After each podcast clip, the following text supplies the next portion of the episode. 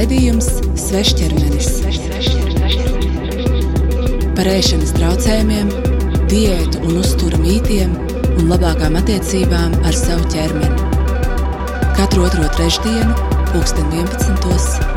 Radio Nabērā.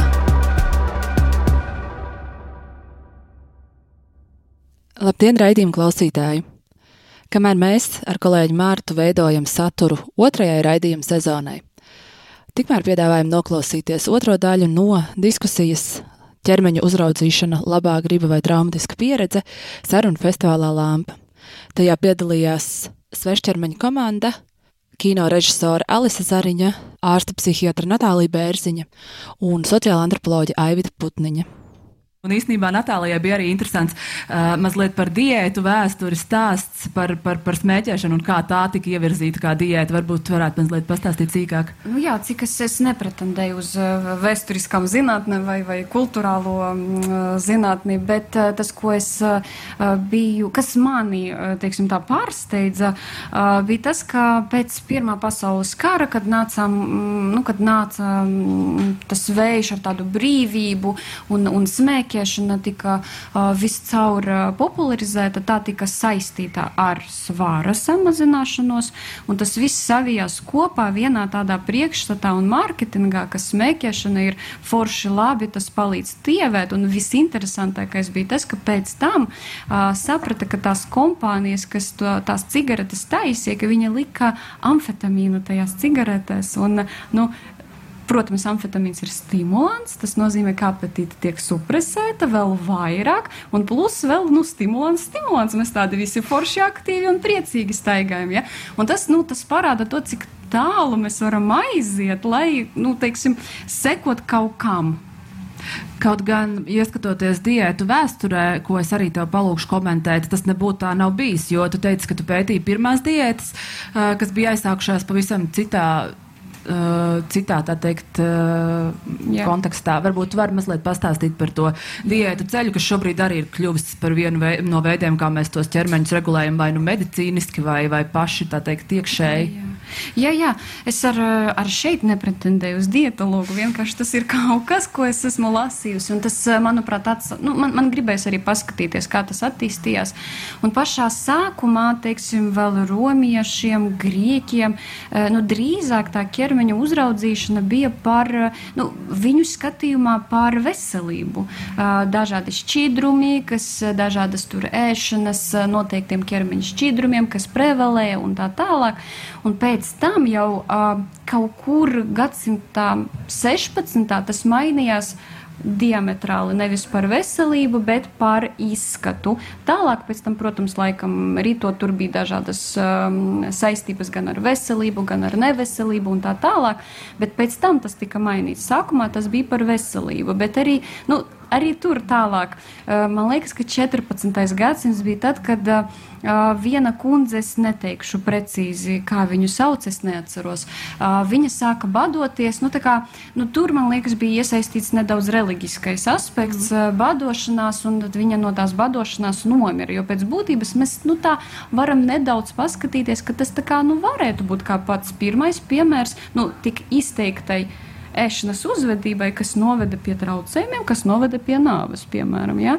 Un tālāk jau tas viss gāja uh, laikam cauri, un nu, tik dažādas dietas ir bijušas, tik dažādas metodas, ko cilvēki mēģinājuši piekopt. Nu, tas ir vienkārši neiedomājami. Jūs, um, Nezinu, nu, konkrēti piemēri, protams, tie, zinā, nu, tie kas ir visvairāk zināmi - arsens, lenteņi, tad tur dažādi tur ētiķi, tad korsetes, tad uh, bādošanās skaidra lieta arī ļoti ilgu laiku bija uh, noteiktos veidos. Tad tur vajadzēja ēst taukus, tad nevajadzēja ēst taukus, tad vajadzēja ogļhidrātus, tad nevajadzēja ogļhidrātus. Un visu laiku sabiedrību turpu šurpu metāja un cilvēki mēģināja tam nu, kaut kā tikt uh, līdzi. Bet, protams, nu, tas pēc tam kaut kādā brīdī m, līdz pastāvēja ar uh, palielinātu ķermeņa svaru, ar potenciāliem draudiem veselībai, nu, un tālāk jau tas viss aizgāja vēl citā aspektā. Nu, ja tā ļoti ātri runājot par, es, par diētu. Es drīkst piemetināt vienu lietu, es tikko, nu, ne tikko, bet, uh, kad tur tieši par šo runāju, es domāju par to, nu, cik bieži tas vidusskolas komēdija joks viņai noteikti ir lentenis vai kaut kas. Nu, viņa ir tieva ļoti, bet noteikti viņa tur viņai ir anoreksija vai kaut kas. Es domāju, cik ārkārtīgi paradoxāli arī tas, ka no vienas puses šīs visas metodas, kas tiek popularizētas un tiek ieteikts un tā tālāk, bet no otras tev vēl joprojām ir jānes savs ideālais ķermenis un jārada pasaulē vēl sajūta, ka viņš tiek sasniegts bez jebkādas piepūles. Jo nu, tu to ne tikai, tu tikai, ne, ne tikai izskaties ideāli, bet arī to sasniedz kaut kā ideāli. Jo, nu, kā, Nu, man liekas, tas ir tik, tik dīvaini. Nu, tas, tas vēl vairāk parāda to neiespēju. Tikai tiek slēpts tas uh, neglītā procesa daļa, kas ir tik līdz tam ideālam. Mm. Mm. Nu, bet tādā veidā tiek demonstrēts uh, cilvēka gribas spēks un, un raksturs un nu, tāda viņa morālā vērtība. Jā, tas uh, racionālais prāts, kurš tad ļauj to, to mežonīgo ķermeni savaldīt. Jā, nu, tas ir tikums, kas ļauj tos savus instinktus apspiest. Tāpēc arī nu, uh, nu, tas tāpatās kā ir, kā ir vīriešiem ar dzēršanu, nu, kad nu, tev ir jānes tas ķermenis, bet Dievs nedod, ka pa daudz un ka pa maz. Nu, tad, tad tu vairs tā, ka, nu, nu, neesi pietiekami likumīgs un, un nevari noturēties. Es varbūt tad lūkšu Alisei paturpināt mazliet teikt par to, par to sasniegšanu un par, par to lenteni, kas tev. Kas ir, kas ir cilvēkam iekšā, vai, piemēram, kaut kādā mērā strādājot arī šobrīd ar, ar, ar šo materiālu, kur strādā māksl, ar māksliniecēm, vai tu redzi, ka uh, Tur ir bijusi kaut kāda vēlme šo savu ceļu, kā viņas ir nonākušas līdz tam, ka viņas savu ķermeni kaut kādā mērā akceptē vai sāk izmantot. Viņas ir kā, vēlējušās to padarīt kaut kā varbūt noslīpētāk nekā tas ir bijis pirms tam. Es domāju, ka drīzāk jau ir tas otrs, vēl viena lieta. Uh, tie mēs, vai tās mēs, kas mēs tagad stāvam pret šiem skaistuma standartiem un mēs tam stāvam pāri, uh, mēs nestāvam. Un tas ir, nu, nu, es atvainojos, tas ir par katru vienu soli. Es šorīt neuzkrāsojos, es to te tik un tā uzkrāsoju skropstus, jo es domāju, no ak, Dievs, kā es sēdēšu neuzkrāsotām skropstām, vai ne? Tie, tieši tik brīvi par savu izskatu es esmu un domāju, bet jā, viens vajadzēja tomēr vēl kaut ko vairāk uzlikt.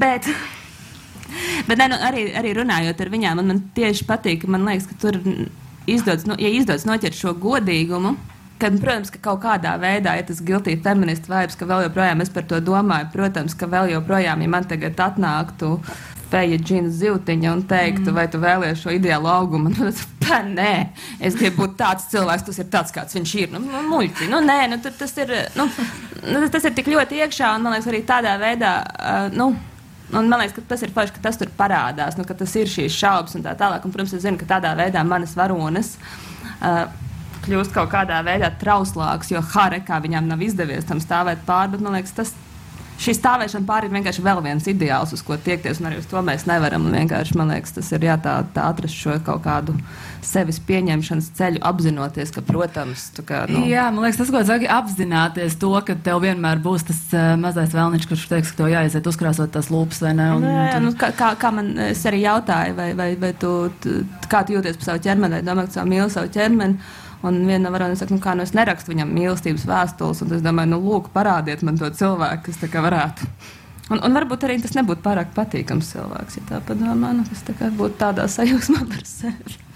Bet tur varbūt atkal mēs pie, kā, aizējām līdz tai tēmai, ka eh, par tām ciešanām, kas ir aizvedušas te, pie tā ideālā ķermeņa, ka tad mēs savukārt daudz kritiskāk skatāmies uz līdzcilvēkiem, ka mēs esam izgājuši varbūt tik daudz dažādiem tur eh, procesiem cauri, lai mēs nokļūtu pie kaut kāda mm, viena vai otra ide ideālā vai tuvotos tam, un tad kā, mēs pieprasām, lai arī apkārtējie, jo tā, tas ir arī viens no mūsu diskusijas tēmām, ka tomēr arī nu, pašiem kā atturēties no tās komentēšanas, kad uh, tu ieraugi kādu ķermeni, kur gribas komentēt. Šodien pat es sev pieķēru pie tādas domas, nā, gatavojoties šai diskusijai, nu, ir kaut kāda tā tā vēlme, varbūt, varbūt tas nezinu, varbūt tas skaidrojums no kaut kāda uh, psiholoģiska tāda aspekta, kāpēc mēs izvēlamies, ka mēs, vēl, nu, kā, ka mēs gribam komentēt tos citus cilvēkus. Varbūt Natālija, tu vari mazliet uh, paturpināt šo tādu domu? Jā, tas ir diezgan grūts jautājums, jo tas nav tik vienkārši izskaidrojums. Tur ir nu, milzīgi daudz aspekti, kas varētu to ietekmēt. Un, nu, man liekas, ka ir vērts parunāt par to, ka nu, mums visiem ir noteikta bērnības pieredze un, nu kā, pašā sākumā, nu, kur varbūt mēs varam meklēt tādus nelielus pirmsākumus, ir tad pašā sākumā, kad mēs piedzimstam, tad ir noteikta piesaiste vai, vai saikne ar mammu. Un, ja tā saikne ir bijusi vai nu pārāk cieša, vai nu pārāk vāja, šeit sāk veidoties tāds nu, tāds um, teiksim, tā priekšstats, kas ar laiku aug par to, ka nu, vai es esmu vērts tās mīlestības un tā. Un sāk tas asociēties pēc tam jau kad mēs augam ar to ķermeni. Jo, ja es būšu tāds un tāds un tāds, un tāds tad mani mīlēs. Un tas, man liekas, ir tas, nu, tas pamatu pamats, kas arī tiek iekļauts arī palīdzības veidos psihoterapijā, kad, nu, kad tas uh, priekšstats par sevi, kas nav saistīts ar manu ārēju izskatu, par ko mani vairāk vai mazāk mīlēs, nu, tas ir tas, kas nu, ir tāds kur ir vērts skatīties vairāk. Ja? Un tieši tāpēc nu, tas varētu būt arī tāds kā rīks, ja es pasaku uh, tam cilvēkam, ka viņš izskatās labi, tad viņš arī mani mīlēs. Noš, ka viņš arī kaut ko labu man pateiks vai mīlēs. Ja? Tur ir tomēr uh, noteiktas, uh, nu, tā, tur ir tādi psiholoģiski aspekti, kas tiešām ir nu, stipri daudz. Ja? Stipri daudz. Tas ir tas, kas nāk prātā, uh, ja mēs par to runājam, nu tā uzreiz man, kā to varētu skaidrot. Bet es uh, esmu pārliecināta, ka tur tie varianti vēl ir, ir vairāk. Kāpēc mums gribas? Nu, vēl ir konkurence, kā es varu padarīt sevi vērtīgāku, nu, padarot mazāk vērtīgu to cilvēku, kas ir blakus. Un Neviens man neliec to darīt. Ja? Tā kā, nu, nu, man liekas, ka tas, tas ļoti tā, tie daudzi varianti varētu būt. Man liekas, tas ir arī slinkums. Jo, lai uzzinātu, kāds ir cilvēks, tev ar viņu jārunā, bet, lai viņu novērtētu pēc izskata, tev pietiek uz viņu paskatīties, un viss jau var izdomāt. Nu, Jā. Pirms 11 gadiem, kad Latvijā bija pētījums par dzīves kvalitāti, un tu prasīji, nu, ka, nu, kad, kad, kad jums ir laba dzīve? Nu, Un tad lielākā daļa Latvijas eh, iedzīvotāju, kas aptaujāt, viņi saka, nu tad, kad man neiet sliktākā kaimiņam. Un, uh, Nu, tas tā arī ir, ka ļoti grūti mēs te runājam par to, nu, tur sevi kontrolēt un, un mocīt ir šausmīgi grūti un, un paskatīties to otru. Viņš saka, ah, oh, šitais ir vēl rasnāks par mani. Ir, nu, tā kā, pat, tik un tā tiem morālajiem standartiem, nu, likumiskajiem, tad atbilsti nu, kad tu runā par šo lietu. Un, un, un tu to otru skaties, bet, kad tu sev redzi spogulī, tu jau esi nu, tu pirms desmit gadiem. Nu, tu jau mm. nu, jaunāks, tievāks un, un, un vēl kaut kāds. Un, um, un, un tur droši vien tā pašapziņas lieta, jo, kā Natālija saka, nu, tā arī ir. Nu, nu, ir cilvēki, kas ir dzīvo un ir laimīgi un paši nosaka, kur ir viņu viduklis. Ja, un, un viņus galīgi neuztrauc citu cilvēku formas. Un, bet, bet noteikti, šī te, nu, paša disciplīna un paša kontrole, nu, ka tā jauniešus, kuriem nu, ir problēmas ar pašvērtību, ir problēmas ar nu, to, kā viņus pieņem kā, kā, kā vērtīgus, kā, kā personības. Un, un tur šis paliek par tāds, nu, nu, tas ir tāds sitiens zem jostas vietas, eh, nu, tad spēlēties ar, ar jā, kādiem priekšstatiem pie otra ķermeņa un, un pakāpties uz tā otra. Tikai tāpēc, mm. vien, ka nu, es jūtos um, labāk un drošāk. Un tad arī nu, visi tehnikas un tehnoloģijas rīki un, un uh, sociālie tīkli arī ienāk iekšā un palīdz to priekšstatu uzturēt. Bet kā mēs kā varbūt varētu šo nu, risināt? Nu, tas, tas ir kas, kas ir tie soļi, ko, ko mēs varam iesākt, lai nu, vienkārši mazinātu tādu vēlmi šos komentārus izteikt un šādi rīkoties un tādā veidā, nu, principā traumēt cilvēku. Jā, jo tiešām tas tā motivācija, kāpēc tu iei Twitterī un uzraksti, ka sieviete tādā svarā Jā. nedrīkst valkāt konkrēti. Man tas tiešām vienmēr licies, varbūt, ka nu, tur nesākot baigi tur iestāties par visām, par, par vi, vi, visu aizstāvības pozīcijām studijā, bet vienkārši man ļoti interesē, kas ir tā motivācija šādā veidā. Nu, kā... Es domāju, ka es esmu svētā, jo es izlasīju to tvītu, un es domāju, es nebaidīšos no šī vārda.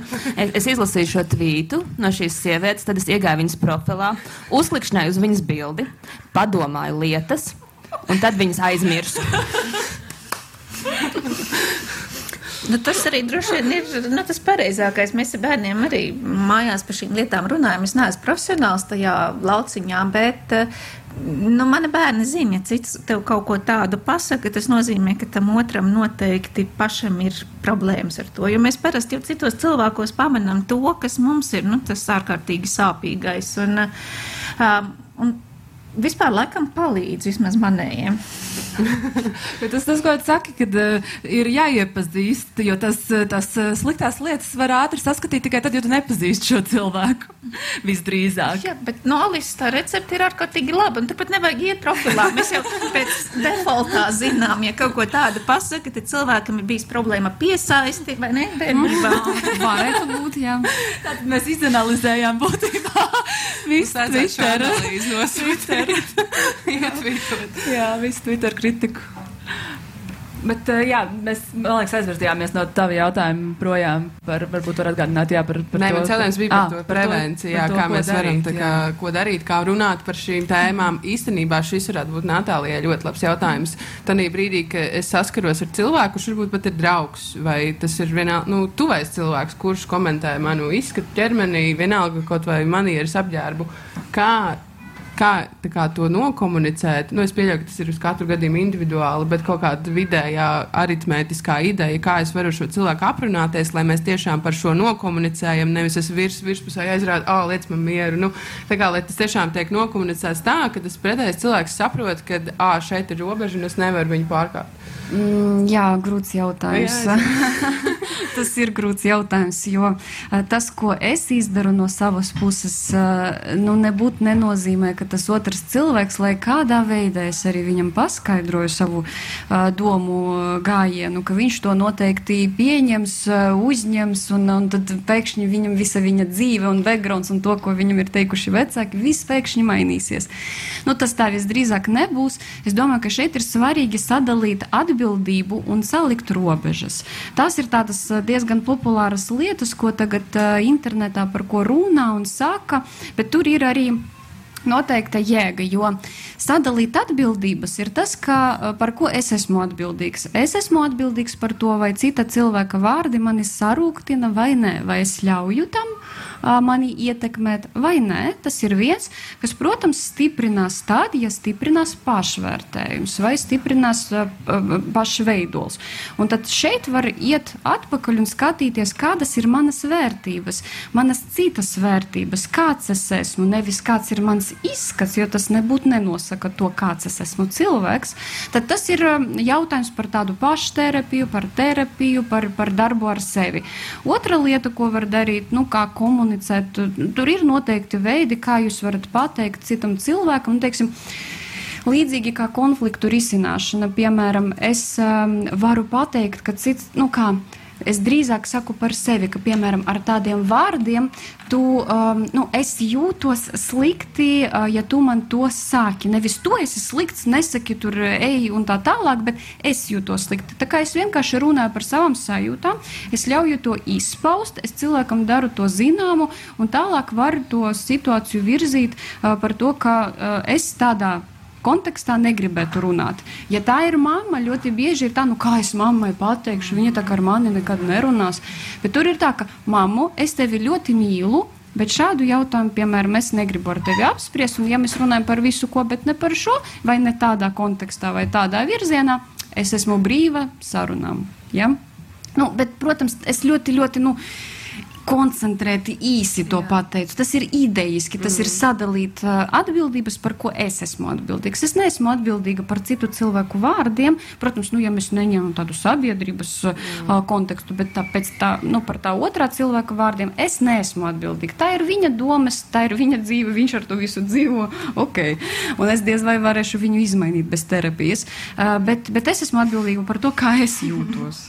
Jā, pēc tā, ko tu saki, ir rodās tāda sajūta, ka tam cilvēkam, kam tas tiek teikts, arī ir jābūt diezgan kā, paša apzinātam, mm. lai viņš spētu reaģēt adekvāti uz to Jā. komentāru. Jā, tur tā lieta. Komunikācijā vienmēr piedalās divi. Mm -hmm. Tāpēc, ko es varu darīt? Es varu darīt to, ko es varu. Tas arī ir viss. Nu, tāds, protams, Tas nepasaka pilnīgi par prevenciju, jo nu, tie ir pasākumi, tā ir uh, sabiedrības izglītošana, tā ir ģimenes izglītošana. Un, uh, protams, to, kā runāt ar bērniem par ēdienu, kā uh, piekopt kopējas maltītes, kā sekot tam, kā es uzvedos un ko es saku, arī ir svarīgi, lai, manā, lai mani bērni augtu vidē, kas ir draudzīga, pieņemoša, atbalstoša uz pašvērtējumu celšanu orientēta. Nevis uh, es tur eju un pasakoju, nē, šodien nevaru ēst, tur vairāk es jau esmu pierījusies, citādi es tur palikšu resna. Hop, bērnam mm. daudz nevajag. Viņš to noķer, ieliek, un tālāk tas viss būvējas. Bet prevencija slēpjas, nu, psihiatrijā mums tā, ka prevencija slēpjas bērnībā. Un pirms bērna ieņemšanas tur ir vislielākais posms prevencijai. Bet vai par prevenciju runājot tādā sabiedrības līmenī, tas nav jautājums, ka, nu, teiksim, mēs svešķermenī par šo runājām, ka, pieņemsim, vārds resns, mēs tam uzreiz liekam klāt kaut kādas sliktās konotācijas. Mm. Tas ir slings, tas ir neglīts, tas Jā. ir, uh, vai tur, nu, jebkurš cits uh, it kā neglītais vārds jautājums, vai arī, nu, tās vārdu definīcijas, bet nevis definīcijas, bet tās konotācijas, ko šis vārds pasaka, visticamāk, nu, cik eh, es skatos ar visu arī body positivity momentu un to visu, viņas jau mainās. Bet man, es nezinu, vai viņas Latvijā tik strauji mainās, un vai tas notiek pietiekami, jo, nu, man liekas, savā saudabīga situācijā, kurā ja tiek teikts, ka nu, pateikt, ka kāds ir resns, ir slikti nevis tāpēc, ka vārds resns ir slikts, bet tas, ko mēs it kā ar to domājam. Varbūt Aivita, tu vari kaut ko par šo, par tādu, tā kā, nu, tādu, kā mēs sarunājamies savā starpā un kā mēs domājam par, šām, šiem, par šiem vārdiem. Es jau teicu, ka tā nelaime ir, ka tās ķermeņa formas tiek piesaistītas uh, morāles sistēmai. Mm. Un, un, un, un tad, nu, Līdz ar to, to mēs runājam par ķermeni, bet mēs patiesībā runājam pavisam par citām lietām. Un, un mēs ar to ķermeni mēģinām to otru no nu, tā ļoti smalki pazemot, pieklājīgi šo te pasakot.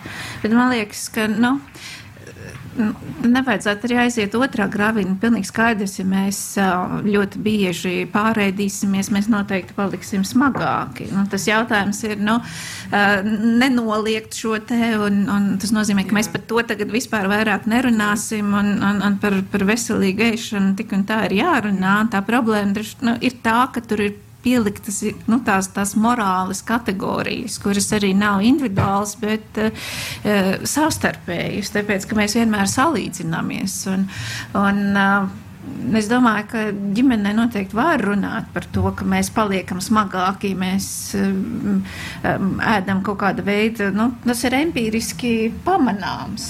Nu, cita lieta vai tam pēkšņi tagad tiek pielikta nu, kaut kāda ārkārtēja morāla vērtība, bet mēs nevaram arī no aizmirst, ka nu, noteiktās vidēs, ko mēs nevaram, mēs varbūt varam veidot savu ģimeni un mēs varam vienoties, un, uh, bet, bet apkārtējo vidi ir daudz grūtāk kontrolēt. Un mēs zinām, ka Latvijā skolas ir no nu, Eiropā viss nu, tādas nelabvēlīgākās uh, uh, savstarpējās pazemošanas ziņā. Un, un, Nu, un bērni mācās no pieaugušiem un izmanto tos pašus rīkus, jā, kas, kas nu, mūsu kultūrā ir pieejami. Jā, un, un, un tas, kādā veidā tad, nu, sagatavoties un, un, un kā. Nu, mums jau tiek pieņemts, ka nu, tagad ies skolā un tad paliks tāds nu, Latvijas eh, sadzīvei eh, piemērots indivīds, jo tā, tā riktīgi no abām pusēm ieštaukās skolā un tad beigās uzaudzēs bija zāda un ies tālāk dzīvē, bet eh, tā jau tas nenotiek. Iespējams, ka nu, nu, tās ir tās vietas, kur mums būtu jāsāk, nu, ka, tā, ka tā ir gan uh, atbalstoša un pozitīva audzināšana ģimenē, kas, kas veicina šo bērnu pašvērtību. Un, un tā ir katra cilvēka izvēle, cik daudz ko viņš ēd un, un, un kāpēc viņš ēd. Un, uh, mēs arī labi zinām, ka nu, ēšana nu, ka tā nav tikai kaut kāds rezultāts, mm. bet ka mēs ēdam arī tāpēc, ka mēs mēģinām caur šo ēšanu risināt kaut kādas citas problēmas. Nu, tā, tā, ir, nu, tā nav izņemama no kaut kāda viena nu, konteksta ārā, bet tur ir pirms tam vēsture un vēsture pēc tam. Mm, jā, noteikti tas ir labs. Tā ir noteikti laba piebilde par to, ka mēs potenciāli mm, ar ēšanu tiešām dažreiz, eh, nu, labi, teikšu tā bieži, uh, risinam kaut kādas problēmas. Vai nu novirzam uzmanību no kaut kā, kas uh, vairāk sāp, vai arī mēģinam tās sāpes samazināt, vai arī mēģinam kontrolēt. Un tur ir jārunā par dažādām psihoterapeitiskām teorijām, kas skaidro ēšanas. Piemēram, nu, ja mēs runājam par traucējumiem, tad attīstību. Uh, bet um, tur ir analītiskā teorija, kas nosaka, tieši to, ka ir nu, tā kontrole, kad, kad ir situācijas, kad es, nu, es nepiedaru sev, ir bijusi noteikta vide, un tas ir, tā ir iespēja, kā es varu iedot to kontroli un, un, un kā es varu regulēt. Ja? Tāpēc nu, nu, tas savijās bieži vien ar daudz ko, un, un tas noteikti, jā, tas noteikti arī jāņem vērā, kad mēs domājam par prevenciju un kad mēs domājam par to, kā mēs varam uh, to uzlabot vai mazināt šāda veida veida domas, tad tas ir, protams, tas, ko mēs darām, lai to mazinātu. Jā. Mums katram reizēm vajag savu resnēšanas sistēmu. Alas, tev īstenībā šajā sakrā bija arī ļoti labi do, nu, tā, tāds izteikums mūsu raidījumā, ka tu teici, salīdzināji ēšanu ar dažādām pārējām atkarībām. Ja? Es nezinu, kura daļa nu saka, ka alkoholisms tādā ziņā ir daudz patīkamāka atkarība, jo jo no alkohola ir iespējams pilnībā atteikties. Nu, tā, tev nav tādas opcijas apmest ēšanas traucējumus, un es vairs neskaršos klāt ēdienam. Nu, man liekas, ka tas ir kaut kas, ir, nu, protams, tas nav vienīgais. Ir vesela kaudzes lieta, kur tev jāmācās dzīvot, bet tā ir cita veida atkarība. Tas nav kā tu vairs neies uz spēļu zālēm vai kaut kas cits. Un, man principā tā lieta, ko tu uztver kā savu ienaidnieku, tev ir jāiem, nu, jāpieņem kā kaut kas labs, kaut kas tev vajadzīgs un tā tālāk. Un tas ir īstenībā ļoti grūti It sevišķi, ja mēs dzīvojam sabiedrībā, kur nu, mēs ļoti, it kā mums tik brīnišķīgi paveicies, ka mums visbiežāk nav jādomā par ēdienu, kā par nu, izdzīvošanas, nu, vai būs ko ēst vai nebūs ko ēst. Protams, ir cilvēkam tas ir, bet nu, lielākoties mūsu sabiedrībā tomēr nav nu, tik traki, ka cilvēki mirst badā un tā tālāk, bet līdz ar to tu esi pazaudējis sen jau kādu saistību ar nu, ēdienu, to kaut kādu reālo mērķi. Un arī tas stāsts, ko es droši vien teicu, ka Man tiešām bija saruna ar sešgadīgo māsu, kur tagad ir pieaugusi. Bet toreiz, kad man bija tā anoreksija, viņa teica, ka nu, no sērijas, ja tu, ja tu maz ēdīsi, kas notiks, es teicu, es, es palikšu tievāk. Viņa teica, bet ja tu vispār nēdīsi, kas notiks, es teicu. Un tas būs pavisam tieva. Un viņa teica, nu, nē, tu nomirsi. Un tajā brīdī es sapratu, ka man kaut kas kaiš, jo man sešgadīgs bērns var atgādināt šo veco labo patiesību, ko es tiešām nu, vairs nefiltrēju tajā ēšanas traucējumu līmenī. Diskusijas noslēdzošā daļa būs dzirdama nākamajā epizodē. Ja vēlaties uzzināt svešķermeņa jaunumus, piesakojiet mums vai Radio Naba sociālo tīklu profilos. Kā arī, ja vēlaties dalīties ar kādu savu stāstu saistībā ar ēšanas traucējumiem vai attiecībām ar savu ķermeni, rakst mums uz e-pastu svešķermenis at svešķermenis.lv.